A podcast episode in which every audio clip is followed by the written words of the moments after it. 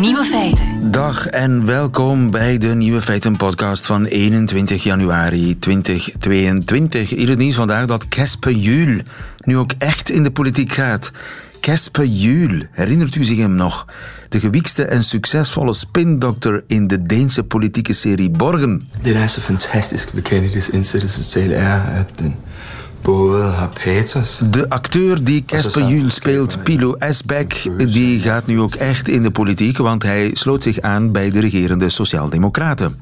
Hij wil zich vooral focussen op het vluchtelingenbeleid van zijn partij. Of Esbeck even succesvol zal zijn als zijn personage in Borgen zal nog moeten blijken. Op Twitter schrijft hij: Wens me geluk, ik zal waarschijnlijk een totaal fiasco zijn. Maar wie niet waagt, niet wint. Fictie wordt realiteit. De andere nieuwe feiten vandaag. Meatloaf is overleden. Hij werd 74. Miljoenen mensen keken al naar de reportage op YouTube over seksueel misbruik achter de schermen van The Voice of Holland. Kan het bedrijf achter The Voice voor dat vermeende misbruik aansprakelijk worden gesteld? En Club Brugge gaat goals verkopen als NFT. Wat je met zo'n doelpunt kan doen, geen idee, maar dat zal blijken.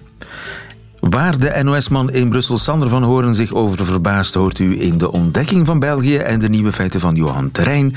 Die hoort u in zijn middagjournaal. Veel plezier. Radio 1. Nieuwe feiten. Meatloaf is dood, de man die de wereld dit schonk.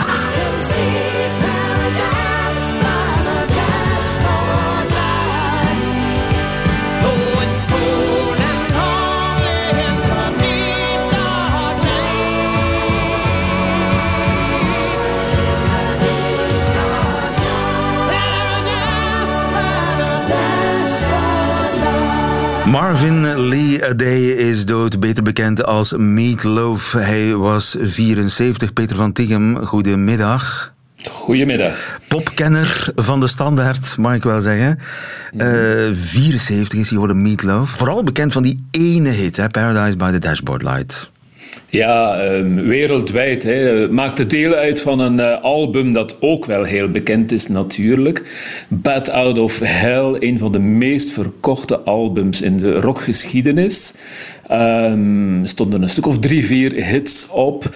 En in 77 was er niet aan te ontkomen, herinner ik mij goed. Ik zat in mijn humaniora en je kon werkelijk naar geen enkele fuif gaan eh, zonder dat je dat nummer hoorde. En dat duurde acht minuten, weet je. Dus dat was, dat was wel wat. Dat was wel, en het, het speelde natuurlijk absoluut in op het teenagegevoel bij uitstek, namelijk de eerste seksuele stappen die je zet in de auto the Ja. dashboard light. Hè? Helemaal Amerikaans, tienerangsten. Hè? Eh, wat we soms vergeten is dat eh, veel van die plaat, van het gevoel van die plaat, geïnspireerd is door een andere plaat, Born to Run van Bruce Springsteen. Is dat De zo? hele ja, ja, ja, de hele sound van eh, de componist Jim Steinman was gebaseerd op Born to Run, op eh, de erfenis van Phil Spector, een beetje Wagner erbij.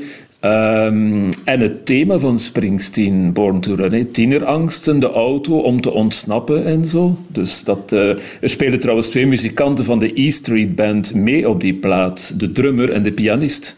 Ja. Ehm, dus, eh, de- ja. He- Heb je enig idee waarom dat nummer lang na 1977 nog steeds op alle mogelijke dansvloeren wordt eh, meegebruld door eh, 16, 17-jarigen? Eh, het is anders. Het is eh, origineel. Er is niks dat erop lijkt. Dat was in die tijd een absolute voorwaarde voor muziek. Je deed niet iets wat iemand anders deed. Ehm, en ten tweede, het, is een, eh, het heeft een epische kwaliteit. Het vertelt een verhaal, eh, zoals de hele plaat een ver- een verhaal vertelt. En het is bijna een acteursprestatie. We moeten niet vergeten dat ehm Meatloaf zichzelf als een acteur zag en Jim Steinman, de man die de muziek schreef, als de regisseur. En hij is ook altijd bezig geweest met acteren. Hij speelde in eh, theaterrollen voor hij muziek maakte bijna. En dat theatrale, dat is eigenlijk de sleutel tot het succes. Ik denk dat je dat eh, hoort. Paradise by the Dashboard Light is een dialoog, hè? Ja.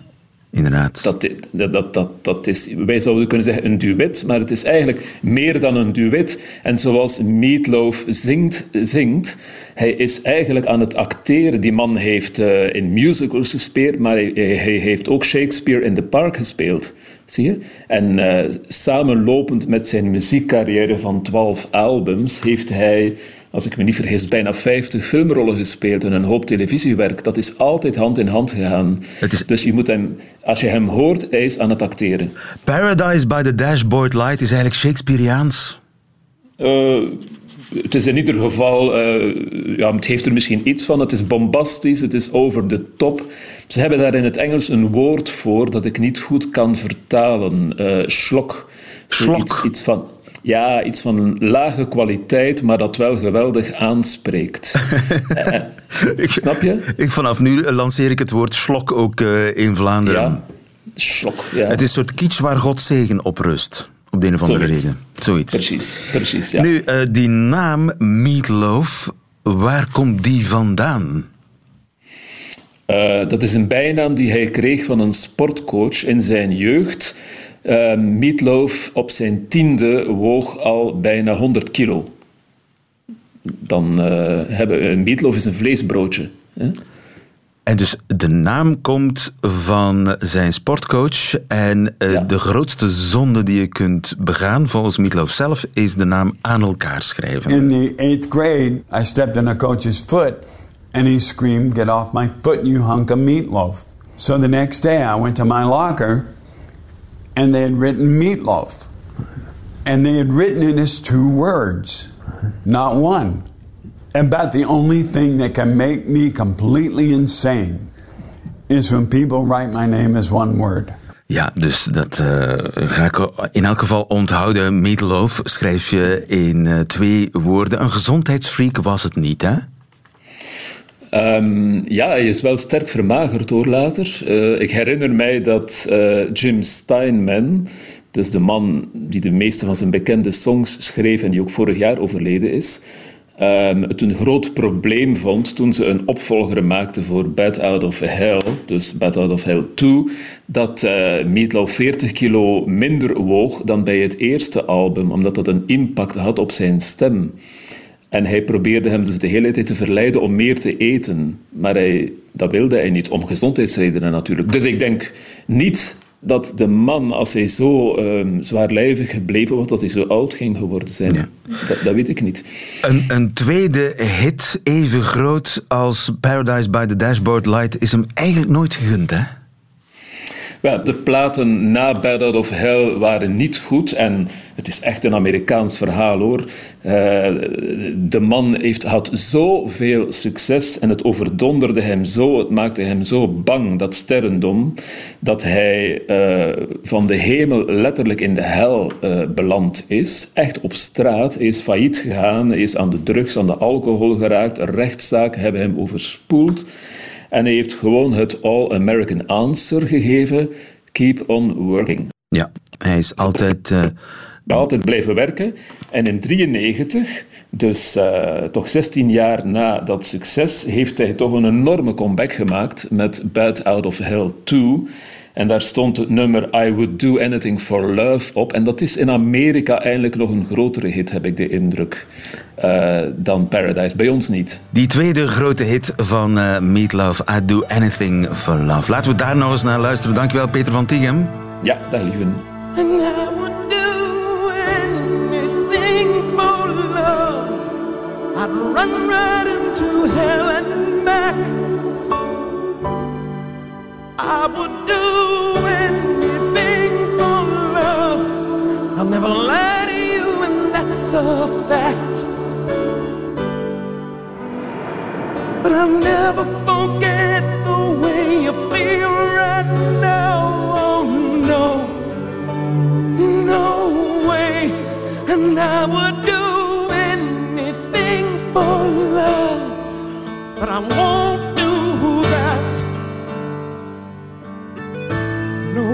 won't do. Anything for love. Oh, I would do anything for love. I would do anything for love, but I won't do that. No, I won't do that.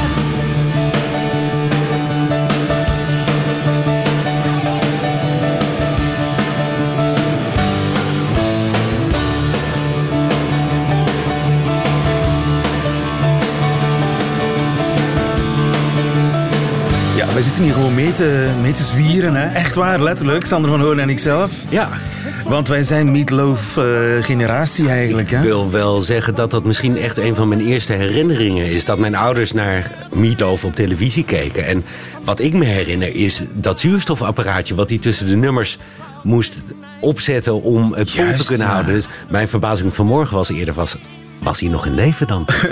dat, dat heb je soms, hè? Ja. Leefde die dan nog? Ja. Meatloaf is eh, helaas overleden, Meatloaf. En I Do Anything For Love. Nieuwe feiten. De ontdekking I do anything voor een week van zonder examen België. Er is eh, sowieso een examen Vlaams, staat er op het programma. Maar eerst eh, vertelt Sander van Hoorn, de NOS-man in Brussel, wat hem van... eh, Waar te beginnen, lieve deze waar te beginnen? Wat Ja. is jou allemaal opgevallen? Nou ja, het valt me elke dag weer op hoeveel aandacht er is voor wat er bij ons met The Voice gebeurt hier in België. We gaan het daar ook nog over hebben, Ja. over The Voice, maar later, maar nu niet. Want we hebben hier twee voices. Dat is natuurlijk weer wat je elke keer in Nederland moet uitleggen. Dat je hier de Voice van Vlaanderen hebt en de Voice Belgique of Belgium. En wat, wat ik, ik ben zo benieuwd. De, de eerste vraag die je hier natuurlijk stelt is dan die machtsrelatie die in Nederland tot dit heeft geleid. Ja, die heb je dus hier ook. En zit daar dan hier ook geen misbruik? En de, de blik vanuit Vlaanderen is nu toch heel erg nog op Nederland gericht. Maar ja, ik ben alleen maar heel erg benieuwd, eh, kan ik zeggen. Maar goed, dat. Tweede wat me opviel is dat we hadden hier een enorm déjà vu van kunnen maken. Weet je nog hoe ik vorige week begon toen ik hier zat? Lieven, vandaag komt het. Vandaag De het. barometer. Ja, en een week later kan ik eigenlijk precies hetzelfde zeggen. Vandaag komt de barometer. Ja, is de bedoeling. En eh, vorige week eindigde ik met te zeggen dat eh, België echt trots mag zijn op hoe ze het tot nu toe gedaan hebben. Dus waarom tijd en moeite verspillen aan die barometer? Want juist hè, de manier waarop België tot nu toe dat soort besluiten genomen had, is, is beter. En eigenlijk was dat een pleidooi tegen de barometer. Nou, ik heb er deze week nog eentje aan toe kunnen voegen, want België gaat gewoon weer de fout in. Weer die barometer of nog iets anders? Nee, nog iets anders. Wat dan? Nou ja, eh, dit is niet heel groot opgepakt, maar er gaat dus in de Kamer een commissie komen die zich gaat buigen over de vraag of advies gaat geven over de vraag of er een verplichte vaccinatie moet komen. Ja, tuurlijk. Ja, dat gaan wij doen. Dat zijn wij van plan. Maar hoe gaan jullie dat doen? Eh, eh, hoorzittingen? Hoorzittingen met wie? Met iedereen die betrokken is. Nou, nee, niet iedereen. Want Specialisten, mensen die diep daarover hebben nagedacht. Mensen die daar iets verstand van hebben. Was dat het criterium geweest, dan, dan had je dat al gehad. Dan had dat GEMS geheten bijvoorbeeld. Maar dat, dat wordt dus niet gebruikt. Sterker nog, mensen die daarin zitten... die maken dus niet kwaliteit qua uit van die commissie. Die ze, nee, dat mag dan door de partijen worden aangedragen. Maar dat vind ik dus... En, en dan Elke partij zijn vaccinatiespecialist. of gedragsspecialist of eh, ondernemingsspecialist... of, nou, geef er een draai aan. Mensen hebben dat aan mogen dragen. Wat is, dat, wat is daar mis mee? Dat is toch democratie? Nee?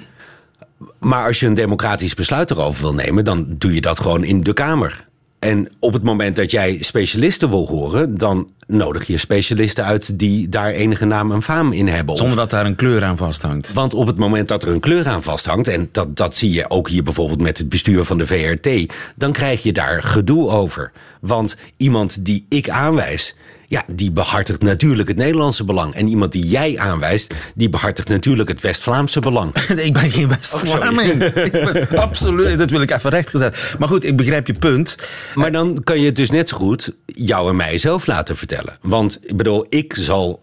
Dat als ik boven mezelf uit zou stijgen, dan zou ik dat niet doen. Dan zou ik dus gewoon een specialist die eh, eh, buiten alle discussie staat, zou ik aanwijzen. Maar dat gebeurt dus niet, zie je. Je ziet dat inderdaad iedereen de specialist naar voren schuift die zijn of haar standpunt gaat vertegenwoordigen. Ja, dan kan je het net zo goed de fractievoorzitter of de partijvoorzitter zelf laten vertellen. Ben je sneller klaar, kun je het ook in de Kamer houden. Dus de vraag die ik me dan stel is, wat denk je hiermee te winnen? Nou ja, er een soort maatschappelijk acceptabel sausje aan te geven. Dat als er dan besloten gaat worden om die vaccinatieplicht in te voeren. Hey, dan hebben wij het niet gedaan als politici zijn, want dat was het advies van die commissie. Maar ja, als je al ziet hoe nu die commissie met geruzie tot stand komt, waarbij er weer mensen af moeten vallen, waar mensen weer gebelgd zijn, wij- zeggen wij dan als je verbolgen Gebelgd. Ja, als Ja, je ja, verbolgen absoluut. bent. Dat zeggen jullie zelf ook. Wij zeggen dat ook. Maar dat ge- mensen gebelgd zijn dat ze niet in die commissie eh, zitting mogen nemen. Ja, dan is het net zoals die barometer, vrees ik, een doodgeboren kindje. En dan had je die hele exercitie kunnen besparen.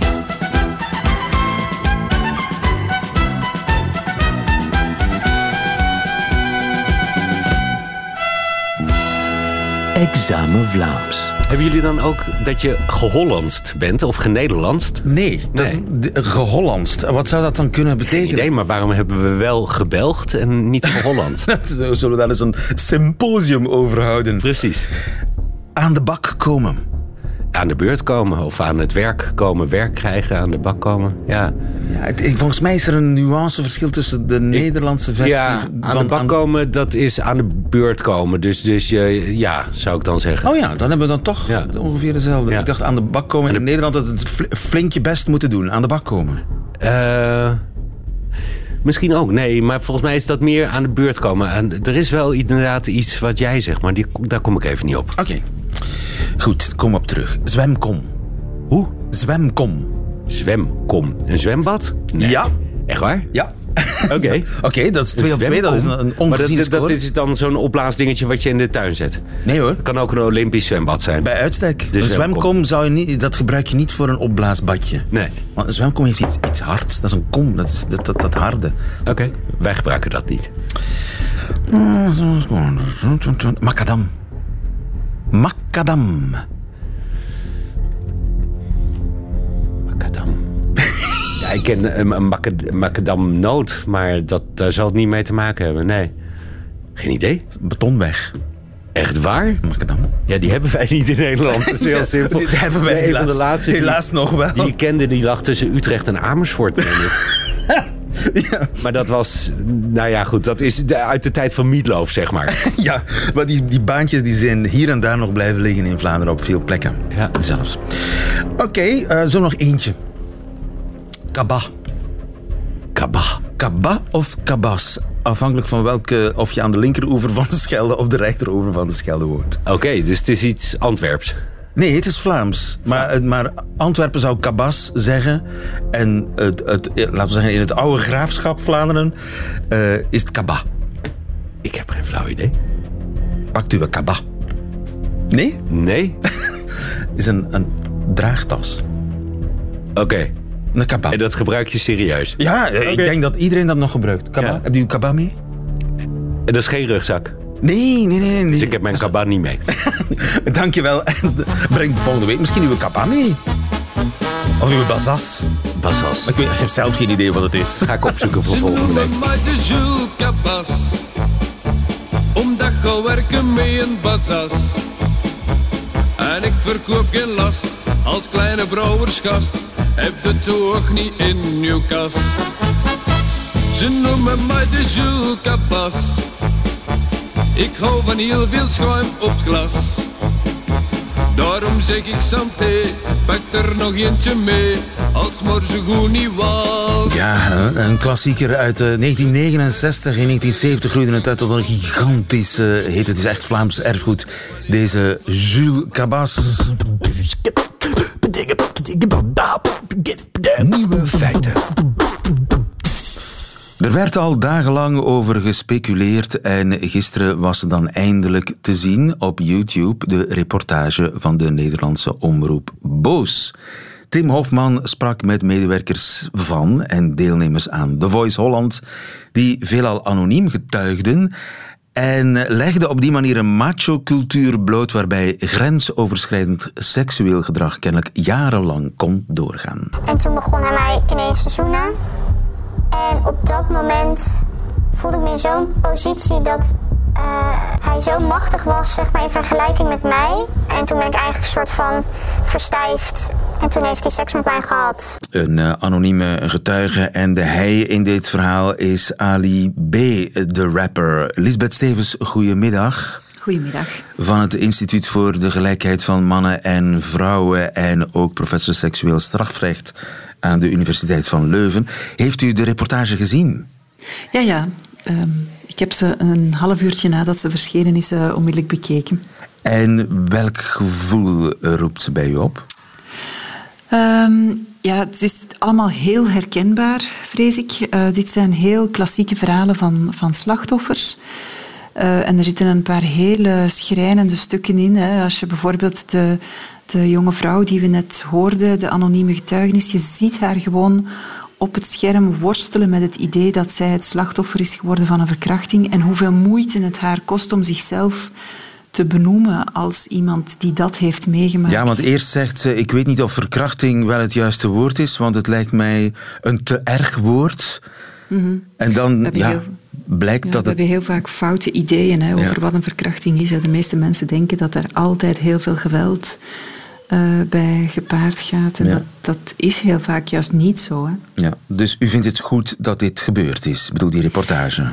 Absoluut. Ik vond ook het einde heel uh, tekenend, zeg maar. Het, het, uh, het onvermogen precies van John de Mol als toch een heel belangrijke werkgever in die sector om um, die machtsmechanismen te, te zien en ook um, ja, voluit zich te realiseren wat zijn verantwoordelijkheid als werkgever in die context is. Ja, want hij zegt, ja, zolang die vrouwen hun mond niet open doen, kan ik niks doen.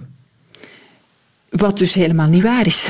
En wat, wat eigenlijk echt wel een, een, eh, een manier van denken is waar dat we vanaf moeten en waar dat we denk ik ook uh, zelfs in het wettelijk kader al, al veel verder staan. Dus ik, ik hoop eigenlijk dat we hier in België uh, op dat vlak verder staan.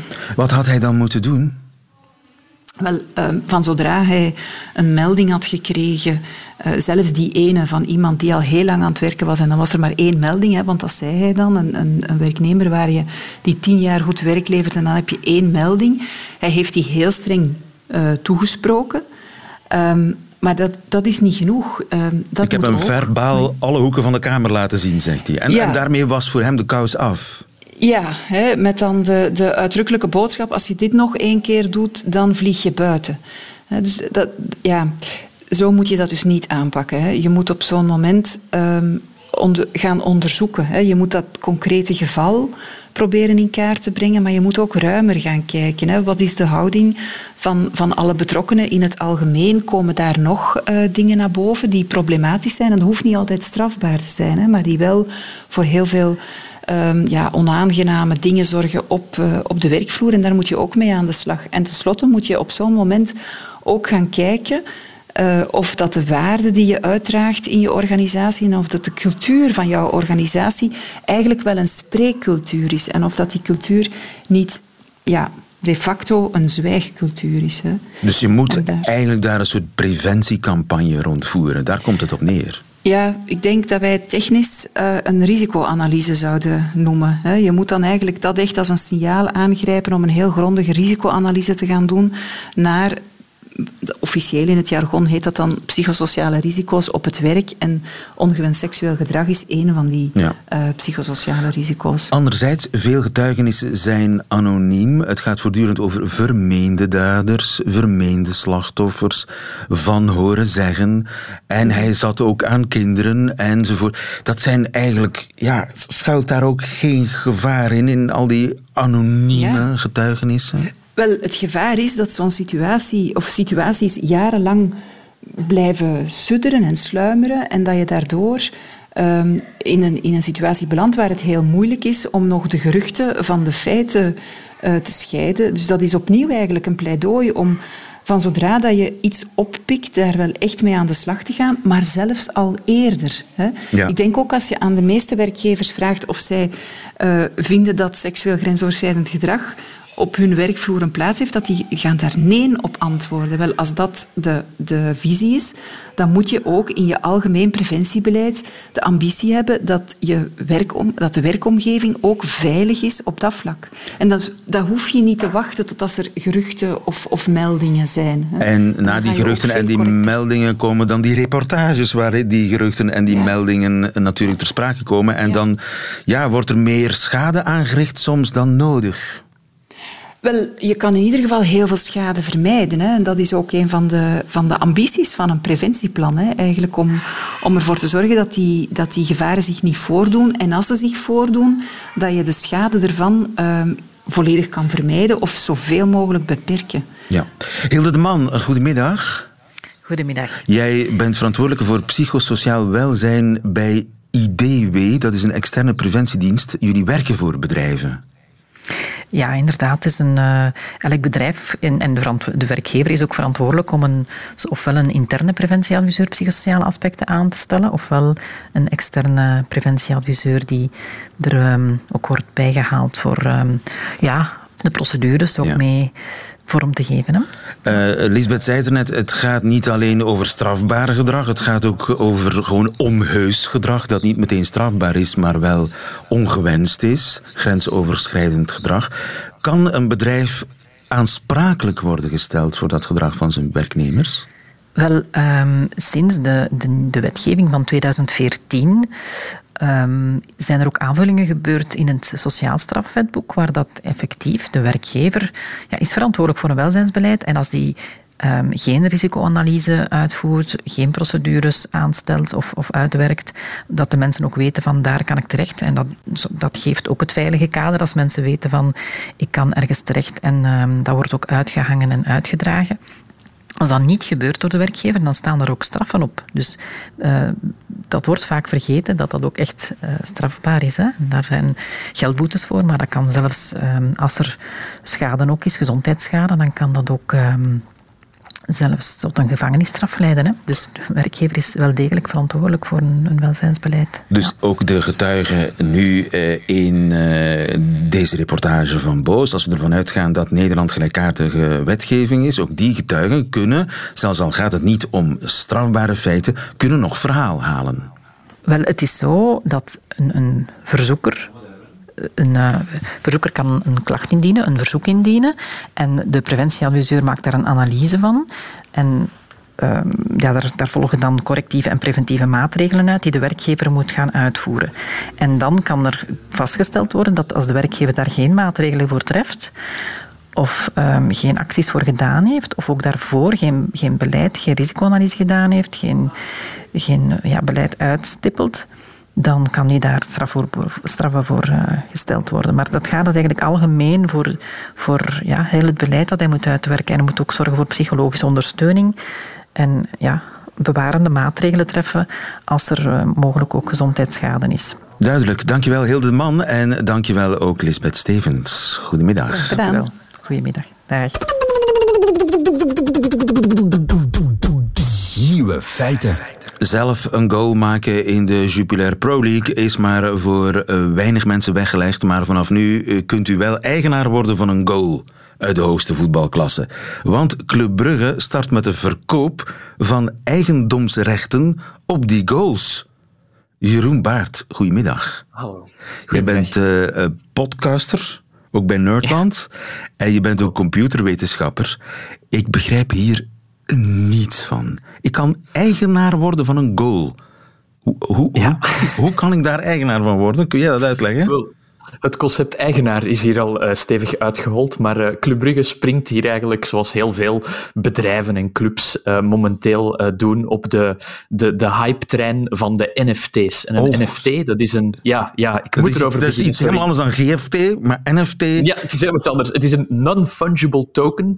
Het gaat erom dat je ergens op een gedistribueerd logboek, de blockchain, zoals we wel zeggen, ergens houden we allemaal een boek bij, een bedrijf doet dat voor jou, en in dat boek staat dat je eigendom ben, bent van iets. Dat kan een digitaal iets zijn, dat kan een prentje zijn, dat kan een muziekstuk zijn. Dat schrijven we op dat boek. Dus wat je eigenlijk koopt is een soort van uh, fancy kassaticketje. Ja, een kassaticketje. Het, het wordt ook echt gebruikt om mee te stoeven. Dan kan je op sociale media zetten, ik heb die goal gekocht. En meer dan een stoefmiddel is het eigenlijk niet, want je hebt de rechten op die beelden niet. Het is niet dat andere mensen opeens verboden zijn van naar die goal te kijken. Het is echt een soort van, ja, een, een, een stoefmiddel, een, een beleggingsmiddel, een, een fancy kassaticketje. En zo zijn er al de voorbije maanden, jaren heel veel dingen verkocht als NFT. Hè. Je kent misschien die, die lelijke figuurtjes van aapjes op het internet, waar mensen uh, ast- astronomische sommen voor, voor neertellen.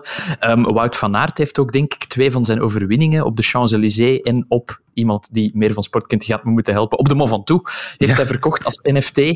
Ehm, hij zag er niet uit alsof hij zelf goed wist wat hij aan het verkopen was. Maar goed, eh, daar zal een goede manager en promotor rondhangen, veronderstel ik dan. Ehm, en ja, dat, het, Club Brugge springt hier mee op, eh, op, op de, de bandwagon, zoals we zeggen. Ja, en eh enig idee hoeveel zo'n goal gaat kosten? Wel, dat, dat, dat is een beetje het, het probleem met al die eh, crypto-gerelateerde zaken. Ehm, het, is, het, het gaat zoveel kosten als iemand het waard vindt om ervoor te geven. Ehm, dat kan voor 1 euro verkocht worden, maar als er opgeboden wordt en als er mensen de, het, het kassaticket zeer veel waard vinden, dan kan dat voor, voor, voor honderdduizenden miljoenen euro's verkocht worden. Ehm, ik denk een goal van Lionel Messi of een speciale tackle van Lionel Messi, ik moet het nu even opzoeken, is echt verkocht voor, voor een, een belachelijk hoge som. Eh, dat, dat liep in de miljoenen. In de miljoenen. Zijn die mensen gek? De mensen zijn niet gek. Ehm, wat dat er vaak ook achter zit, is een, is een verdienmodel. Hè. Bij heel veel van die, van die cryptocurrencies moet je eigenlijk gewoon iemand weten te overtuigen om het voor meer van jou over te kopen. En dan ben je uit de kosten. Een soort van bigger fool scheme. Als ik die goal koop voor 20 euro en ik verkoop die morgen aan iemand die ik helemaal zot gemaakt heb, dat dat de toekomst is en we allemaal NFT's gaan verhandelen in de toekomst en ik verkoop die door voor 100 euro, omdat die denkt dat dat een koopje is aan 100 euro, ja, dan heb ik mijn winst wel gemaakt natuurlijk. Um, ik vind het een beetje in een breder kader vind ik het een beetje heel cynisch en een beetje, ja, ik vind het zelfs een beetje fout om dingen, collectieve sportgebeurtenissen, zoals de overwinning van Wout van Aert, we hebben daar met z'n allen naar gekeken en gejuicht voor de tv. Als iemand een goal maakt in een stadion, vind ik dat voor alle fans en dan vind ik het een beetje fout om te proberen dat soort momenten, want dat is lucht, hè. Je koopt Ja, maar het blijft natuurlijk van ons allemaal. En het is in de eerste plaats van Wout van Aert zelf, hè? Dat Absoluut, Ja. absoluut. Maar, maar eigenlijk, is het klinkt- een soort, eigenlijk is het een soort geld, die een NFT. Het is, eh, we spreken Absoluut, af ja, dat ja. het zoveel waard is, dus is het zoveel waard. Het is, een beleg- ja, het, is, het is een beleggingsmiddel ook. Eh, heel veel grote bedrijven, Nike, Adidas, springen nu op die NFT-kar om het als een soort beleggingsmiddel te zien. Het is ook heel populair bij jongeren, dus het, het speelt wel in, in die cultuur, het digitale. Maar eigenlijk puur, ja, puur, puur, puur technisch gezien is er ook een probleem, want heel veel van die NFT's, voor, te, voor dat, dat grote logboek bij te houden, waarop geregistreerd wordt, eh, Huppel de Pup heeft X of Y gekocht. Ja, heel veel van die blockchains werken met technologie die eigenlijk heel veel energie vraagt. En dan kan je je afvragen, als een, als een club als, als, als Club Brugge eh, goals wilt verkopen, kan die niet gewoon een Excelletje bijhouden op het hoofdkantoor in plaats van een half regenwoud te verbranden? Om, allee, ja, dus daar, daar zijn vragen bij. Opnieuw, niet alle blockchains werken met energieverslindende technologie voordat er eh, klachten komen, maar daar zijn toch ook wel vragen bij te bestellen. Is dit de efficiëntste manier om dit te regelen? Ik begrijp het al een beetje meer, Jeroen Baart. Waarvoor dank. Goedemiddag. Graag gedaan. Goedemiddag. Radio 1. Nieuwe feiten. Dat waren ze, de nieuwe feiten van 21 januari 2022. Alleen nog die van Johan Terrein nu in zijn middagjournaal. Nieuwe feiten. Middagjournaal. Beste luisteraar. Het witte bankje met uitzicht op een wei waarin een schimmel graast en waar met een beetje geluk de namiddagzon recht op ons gezicht schijnt, dat is de plek waar ik met mijn moeder tot de beste gesprekken kom die we in ons korte leven samen hebben gevoerd. Ze is 84 en haar geheugen werkt niet meer optimaal. Dat is een eufemisme voor Alzheimer. Het woord dat enkel wordt gefluisterd in de nabijheid van ouderlingen. Vaak denken mensen dat er dan geen deftig gesprek meer te voeren valt. Ik heb het letterlijk al iemand horen zeggen. Ja, en met haar kunnen we natuurlijk niet meer communiceren. Zo'n uitspraak is voor mij al voldoende om het tegendeel te bewijzen. Want ja, je moet veel herhalen en vaak raken we de draad van haar verhaal kwijt, maar je wordt daar als gesprekspartner behendig in. Ik had het net die dag met haar gehad over het leven na de dood. Ik was nieuwsgierig hoe ze daar nu naar keek, na een leven vol godvruchtigheid. Moeder vertelde dat men vroeger het beeld voorhield dat het lichaam wel doodging, maar dat de ziel verder bleef leven en dan naar de hemel of naar de hel mocht vertrekken. Ze vond het plots maar flauwekul.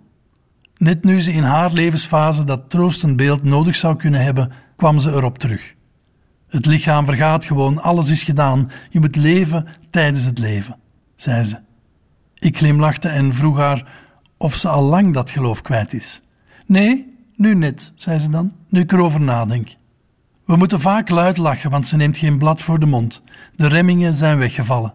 Thuis probeer ik dan onze gesprekken te reconstrueren en besef ik dat ze een krak is geworden in het leven, in het hier en nu. Dat waar de moderne mens zo naar verlangt in zijn drukke bestaan en maar moeilijk in slaagt, dat kan zij. Zonder yoga of meditatie. Ver in de toekomst kijken is er voor haar niet meer bij en het verleden vervaagt langzaamaan. Rest nog het hier en nu. Waar wij het geluk ergens in de toekomst plaatsen, waar we al onze doelen hebben bereikt en spijt hebben van keuzes in het verleden, daar heeft zij alleen maar een bankje en een wei met een schimmel nodig om tevreden te zijn.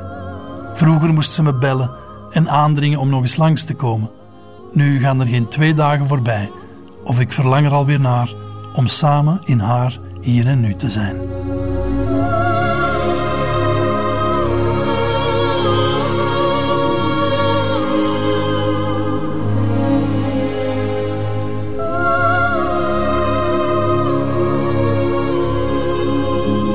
Wijze woorden van Johan Terrein in zijn middagjournaal. Einde van deze podcast. Hoort u liever de volledige nieuwe feiten met de muziek erbij?